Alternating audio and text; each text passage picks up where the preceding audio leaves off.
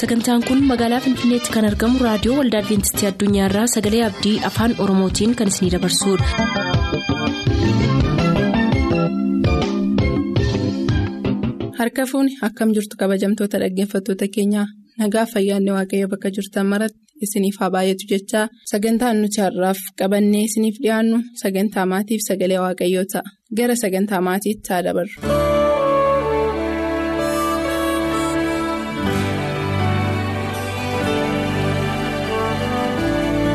Dhaggeeffattoota sagalee abdii nagaan keenya jaalalaa bakka jirtan hundumaatti sinaa qaqqabu akkam jirtu.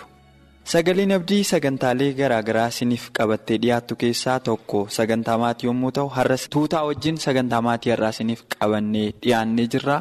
Kan nu irratti xiyyeeffannu macaafa Saamu'eel isa duraa boqonnaa lama lakkoofsa kudha lamaa kaasee yaada jirudha. Waa'een kun waa'ee maaliitti laataa kan jedhu yeroo keessa seennuun jalqaba. Garuu meetuu tanaa wajjin jiran kanaaf maatiin maali? Eeyyurraa jalqabu laata? Maatiin maali siif sanbatu? Tole waaqayyoon guddisnee galateeffannaa. Gaaffii maatiin maali jedhuu fi maatiin bu'uura waan hundumaati jechuudha. Maatiin bu'uura hawaasummaati. Akkuma biyya lafaattiyyuu bu'uura waldaati, bu'uura hawaasummaati, bu'uura biyyaati, bu'uura biyya lafaati jechuun hin dandeenye jechuudha. Maaliif hawaasa kan jedhu tokko tokko maatii keessaa kan bahedha waan ta'eef jechuudha. Wanti mana keessatti qabaa bade yommuu gadi ba'us akkuma kana amala isa mana keessa jiru calaqqisiisaa jechuudha. Ijoollee fakkeenyaaf haala guddisa daa'immanii yoo ilaalle dheertuu ammati nuuf laatte kana keessatti maatii faallaa lama agarra jechuudha. Maatii eeliitii fi maatii elqaannaa yookiinis immoo maatii haannaafaa agarra jechuudha. Ijoolleen eelii abbaan isaanii luba waaqayyoo hojii guddaa hojii kabajamaa kan itti laate jechuudha. Inni mana qulqullummaa keessaa kan tajaajilu. Fakkeenyummaa abbaa isaanii hordofuu kan qaban ijoolleen eelii garuu amalli isaan agarsiisan mana qulqullummaa keessatti waan isaan godhani. Baay'ee suukanneessaatii fi ulfina waaqayyootiif kan hin taane akka inni ta'e agarra jechuudha bakka kanatti. Darbee haannaa immoo yommuu itti fudhannu dhala kan hin qabne dhala godhachuudhaaf waggaa baay'ee kan kadhatte mimmaan kan cobsite taatee yommuu jirtu waaqayyoo dhala ishee tokkitti isaaf isheedhaaf kenne jechuudha. Tokkitti waaqayyoo isheedhaaf kenne sana eeguma waaqayyoo dhala kana naa kenneetti anuma maaliif waaqayyoo dabarsee ilaallotteetu mana qulqullummaatti dabarsitee laatte jechuudha. Utuu haasofnu. Hollaa miti manni qulqullummaa isheen itti laatte fagoodha adeemsa karaa dheeraa kan gaafatu jechuudha bakki jireenya haannaa fi bakki manni qulqullummaan jiru bakki saama walitti gale jechuudha. Daa'imummaa isaatti yommuu inni haadha isaa harma hodhu yommuu mana itti guddate dubbii isheen isa gorsitee baastetu yommuu inni maatiirraa fagaatee dhaqee ijoollee heelii ishee amala hin taane qabdu gidduutti yommuu inni mana qulqullummaatti gale amalli ijoollee sanaa isaa. Hin dhaalle jechuudha yookaan inni deebisee amala ijoollee sanaa hin dhaalle isa haati isaa ijoollummaatti isa gorsitee nitu guddate jechuudha. Kanaaf kan nama dhibu yommuu namoonni aarsaa dhiyeessuudhaan mana qulqullummaa dhaqanii utuu waaqayyoof aarsaan hin dhiyaatin ijoolleen eelii filoo qopheeffataniitu foonii isa waaqayyoof aarsaadhaaf dhiyaate sana dursanii ofii isaanii akka isaan nyaatan agarra. Namicha isa aarsaa dhiyeessuun illee lubichi foon nuu ergi jedhee jedhanii dhaqanii humnaan yommuu isaan harkaa fudhan. Agarra jechuudha yoo lubni sun didee lakki ganaafin waaqayyoof aarsaa dhiyeessaa booddee hamma garaa keetii fudhachuu dandeessa yommuu inni ittiin jedhu yooti na diddeemmoo maaliin godhadha humnaan inni irraa fudhadha jedhee akkuma sana akka inni godhuu laalla jechuudha. Gara gajjallaatti waa'ee saamu'eeliin xiyyeeffannoon dubbachuu barbaada. Yommuu saamu'eel karaa waaqayyoo irra guddate eeliin illee yommuu isaan waggaa waggaatti ilqaannaatiif haannaan mana qulqullummaatti deddeebi'u achumaan dhala isaanii ilaaluudhaaf yommuu isaan lafa saamu'eel jiru dhaqanii akkasittiin jedhe.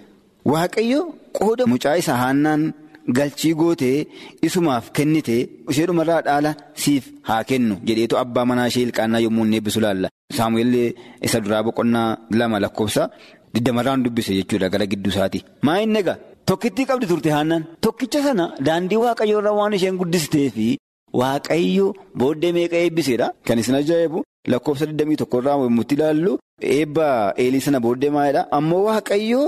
Haannaa ni yaadate isheenis ulfooftee dhaltees ilmaan sadii fi intaloota lama ni godhatteedha. Tokkicha isa waaqayyo isheedhaaf kenne amanamummaatti waan isheen guddisteef waaqayyo shan eebbise jechuudha. Ijoollee dhiiraa sadii fi ijoollee dubaraa lamatti dabalee eebbise jechuudha waaqayyo. Gara gajjalaatti yommuu inni eega isaan badani maalidhu mammaaksa keessa jira gogaa jiidhaatti maruu. Gara dhumaatti maalidhaa eeliin ijoollee isaatiin lakkii ijoollee tokko waan isin gootan kun cubbuu isin Israa'eel keessatti gootan kana waan hin dhaga'u kun gaarii miti deebi'aa jedhee yommuu inni dubbatu laala. Eertuu kanan dubbisu ammas lakkoofsa 25 isaarraa. Maalidhaa namni nama tokko yoo yakke waaqayyootu gidduu gala. Namni yoo waaqayyoon yakke garuu eenyutu gidduu gala ree? Baay'ee ulfaataadhanii kun namni waaqayyo wajjin walitti buune eenyutu walitti araarsa namaaf namni walitti bu'e waaqayyotu gidduu galee araarsa kan jedhudha kan dubbiinsaa jechuudha. Egaa karaarraa kaatanii har'a mana keenya keessa maaltu jira? Televezyiiniin keenya maal agarsiisa? Ijoolleen keenya tapha akkamii taphatti? Bakkeedha jecha akkamii bartii? Hawaasa akkamii keessa ooltii?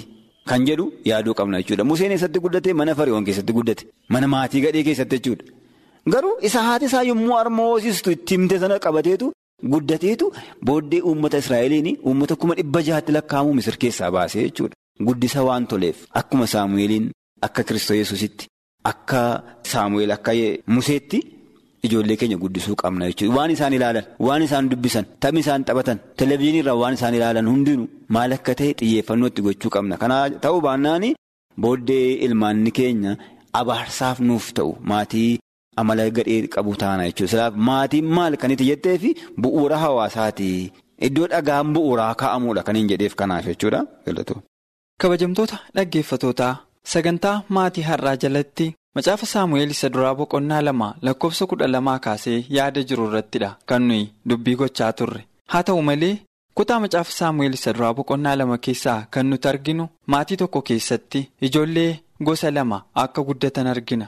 Kanneen jalqabaa. Hoofiiniif Fiiniyaas ijoollee eelii lubichaa yommuu ta'an inni kan biraan immoo Saamu'eel mucaa aannaaf ilqaanaati. Isaan kun gosi lamaan ijoolleewwan kanaa manuma tokko keessatti kan guddatan yoo ta'e iyyuu warri tokko manuma tokko keessa ta'anii abaarsaaf kan ta'an yoo ta'u inni kan biraan immoo Saamu'eel immoo faallaa isaatiin mucaa eebbaa ta'ee guddate. Mana keessan keessa yoo ilaaltan daa'imman keessan gosa kamitti ramadamaa jiru laata? Akkaataa kamiin guddisaa jirtu laata? Har'umaa kaastanii gamanumaan yoo itti yaaddan daa'imman keessan karaa sirriirra karaa waaqayyo jaallaturra guddisuu ni dandeessu kan immoo gochuu akka dandeenyuuf waaqayyo nu haa gargaaru kanarraaf qabannee dhiyaanne sagantaa maatii asirratti xumurraa kutaa kan biraatiin amma wal erginutti nagaan nuuf tura.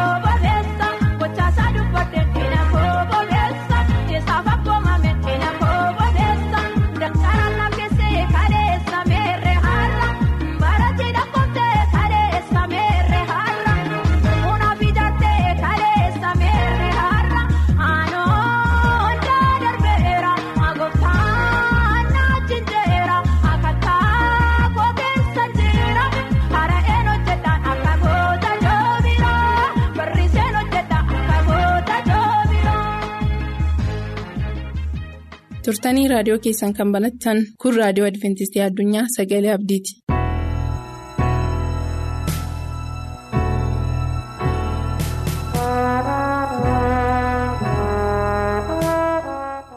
ayyaana waaqayyootiin kan jaalatamtan kabajamoo dhaggeeffattoota keenyaa akkam jirtu har'a mata duree ogummaadhaan deddeebi'i jedhuun isin wajjiniin sagantaa hirachuu barbaada otoo gara sagantaa keenyaatti hin seeniin dura mee waaqayyoon haa kadhannu.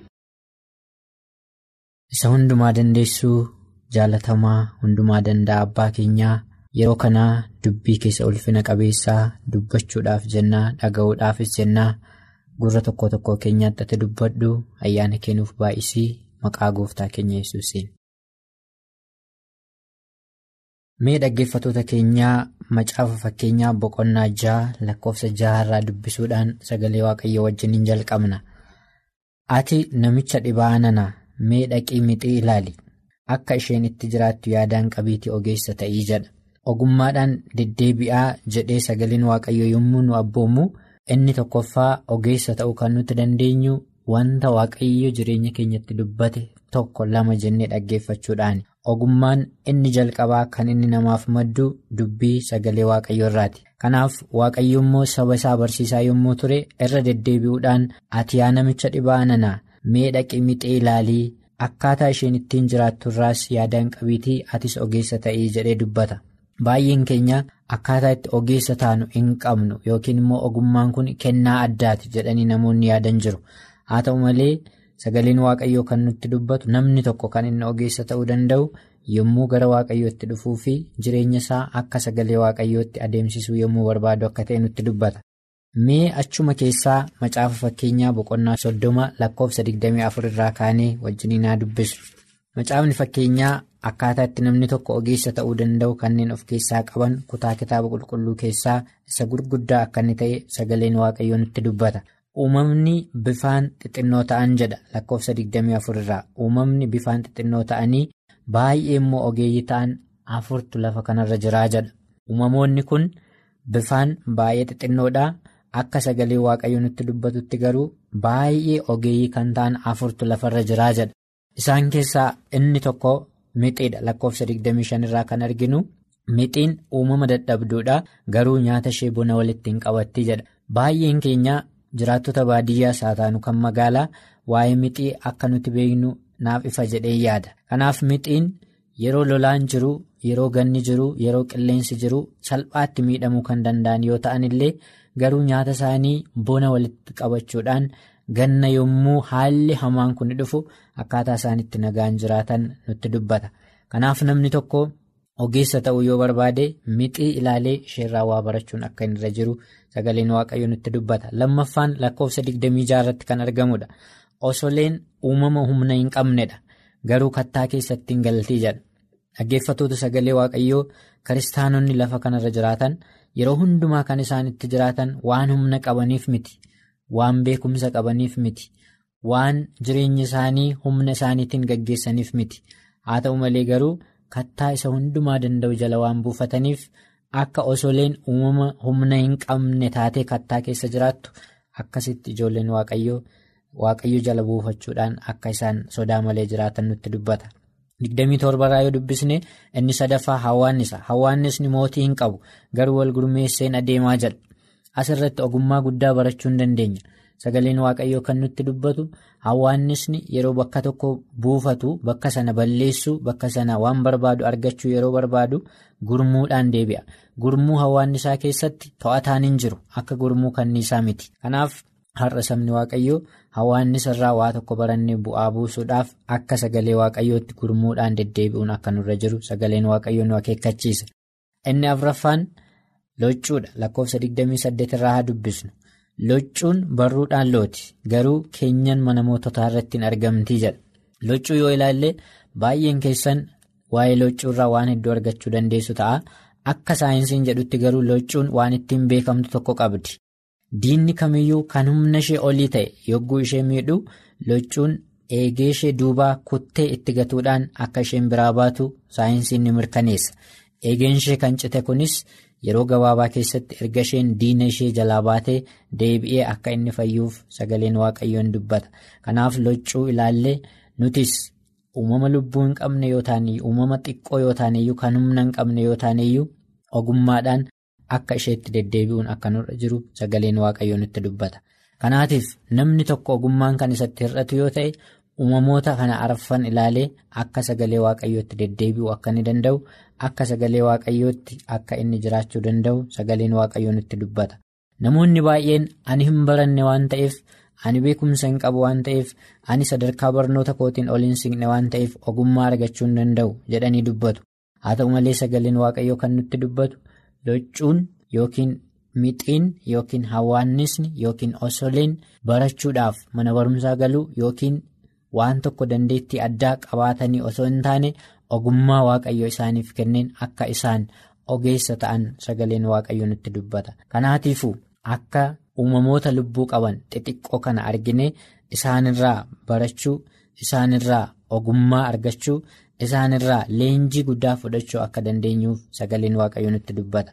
Kanaaf akka sagalee waaqayyootti waaqayyo namni kun ogeessa jedhee kan inni dubbatu yookiin namni kun ogummaatu isatti hir'ata jedhee kan inni dubbatu warra dubbii waaqayyoo kana dhaga'anii akka dubbii waaqayyoo kanatti immoo hin adeebineef yookiin warra dubbii waaqayyoo kana beekanii akka dubbiin waaqayyoo isaan ajajutti immoo hin deddeebineen sagaleen waaqayyoo isaan gowwoota yookiin immoo ogummaan kan itti hir'ate jedhee dubbata ogeessota jedhee kan dubbatu immoo. Ogummaan isaanii addunyaa kanarratti waan beekameef miti yookiin barumsaan iddoo olaanaarra waan gaaniif miti hammamiyyuu akkuma mixii akkuma hosolee akkuma hawaannisaa akkuma loccuu uumamaan xiqqoo haa ta'aniyyuu malee akka sagaleen waaqayyoo isaanirraa barbaadutti warra jireenya isaanii gaggeessaniin waaqayyo har'as isaan ogeessa jedhee dubbata kanaatiif dhaggeeffatoota sagalee waaqayyoo har'as warri dubbii kana dhageessan. Ogummaa akka sagalee waaqayyootti ittiin deddeebitanii waaqayyoon gammachiisuu yookiin immoo waaqayyoon garaa ciibsuu akkaataa itti dandeessan waaqayyo har'as akka argatu isinirraa barbaada. Kanaatiif koottaa wal ilaallaa jedha Isaayyaas yommuu dubbachaa ture koottaa wal ilaallaa jedhee akkuma inni dubbate har'as namni kamiyyuu namni mana waaqayyoo keessa deddeebi'u gaaffii kana ofii isaatiif akka dhuunfaatti. akkasuma immoo waldaa isaatiif akka gareetti dhiyeessuudhaan ogummaa ittiin fuula waaqayyoo dura deddeebi'u qabaachuu akka inni danda'u sagaleen waaqayyoo dubbata kanaatiif mixii yoo ilaalle mixiin uumama dadhabduudhaa jedhee dubbata sagaleen waaqayyoo kanaatiif kiristaanni hojii waaqayyo isarraa barbaadu hojjetu tokko duraan dursee otoo hojii waaqayyo isarraa barbaadu kana hin hojjetin dadhabaa ta'uusaa of hubachuutu yookiin of beekuutu isarra jira. Akkuma mixiin dadhabaa ta'uu ishee of beektee of hubattee nyaata isheef ta'u bona walitti qabattu akkasuma namni waaqayyo hojii waaqayyo isarraa barbaadu ogummaadhaan hojjechuu namni barbaadu akka mixii sana uumama dadhabaa ta'uusaa of beekuutu isarraa barbaachisa. Akkasuma osolee yoo ilaaltanii sagaleen waaqayyoo kan inni kaa'ee osoleen uumama humna hin qabnedha jedha. Kanaatiif hojii waaqayyoo isa guddaa kana hojjettoonni galmaan ga'uu barbaadan har'as humna isaaniitti kan hirkatan osoo hin taane akka humna hin qabne of beekuutu yookiin of hubachuutu isaanirraa barbaachisa. Akkasuma 27 irraa hawaannisni mootii hin qabuu jedha. Kanaaf gurmuu hojii waaqayyoo wajjin hojjennu yookiin saba waaqayyoo wajjin hojjennu keessatti gaggeessaa eeguun inni maalnaan jedha yookiin isheen maalnaan jetti jechuun akka hin barbaachifne asirraa hubachuu dandeenya. Hawaannisni waan barbaadu argachuudhaaf yommuu deddeebi'u akka inni gurmuu isa to'atu yookiin immoo asiin ba'i achiin ba'i isaatiin jedhu akka inni hin qabne sagaleen waaqayyoo nutti dubbata. Akkasuma loccuun barruudhaan lootii jedha. Loccuun barruudhaan lootii yommuu jedhu barruudhaan kan lo'u fiigee bakka barbaadu ga'uu hin danda'u. Utaalee bakka barbaadu ga'uu hin danda'u. Akkasumas immoo diina isaa loluudhaaf haala mijataa hin qabu. Haa ta'u malee garuu. Kattaa mana moototaa iddoo bineensonni kamiyyuu jiraachuu hin dandeenye akka isheen jiraattu saayinsiin ragaa ba'a. Akkasuma namoonni hojii waaqayyoo kana hojjechuudhaaf yookiin hojii waaqayyoo kana galmaan ga'uudhaaf namoonni yaadanii kaayyoo ofii isaaniin yookiin beekumsa ofii isaaniin eessallee akka hin geenye sagaleen waaqayyoo dubbata. Kanaaf isa waan hundumaa gochuu danda'u jala boqochuu akka isaan da'an sagaleen waaqayyo dubbata kana walitti qabuudhaaf achuma boqonnaa soddoma macaafa fakkeenyaa lakkoofsa soddomii lamarraa yoo dubbisne gowwoomte yoo ololuuf qabde yookiis garaa kee keessatti hamaa yoo yaadde afaan kee qabadhuu jedha sagaleen waaqayyo kanaaf hojjettoonni waaqayyoo amanattoonni waaqayyoo kallattii itti deddeebi'aa jiran hundumaatti. gowwoomanii yoo ol ol kan of qaban ta'e garaa isaanii keessattis hamaa yoo kan yaadan ta'e afaan kee qabadhuu jedhee dubbata sagaleen waaqayyo kanaaf nutis uumamoota lubbuu qaban kana warreen bifaan xixinnoo ta'anii ogummaa baay'ee qaban kanarraa barannee fuula waaqayyoo duratti ogummaadhaan deddeebi'uu akka dandeenyuuf waaqayyo nu gargaaru sagantaa isa itti aanuun mata duree kan biraatiin walitti deebinaa hammasitti ayyaanni waaqayyoo isiniif haa baay'atu. nagaan tura. sagantaa keenyatti eebbifamaa akka turtan abdachaa har'aaf kan jenne xumurreerra nuuf bilbiluu kan barbaadan lakkoofsa bilbila keenyaa duwwaa 11 551 1199 duwwaa 11 551 1199 nuuf barreessuu kan barbaadan ammoo lakkoofsa saanduqa poostaa 45 finfinnee lakkoofsa saanduqa poostaa 45 finfinnee ammasitti nagaatti kan isiniin jennu qopheessitoota sagalee abdii waliin ta'uudhaan. Hojjechuun kan dadhabee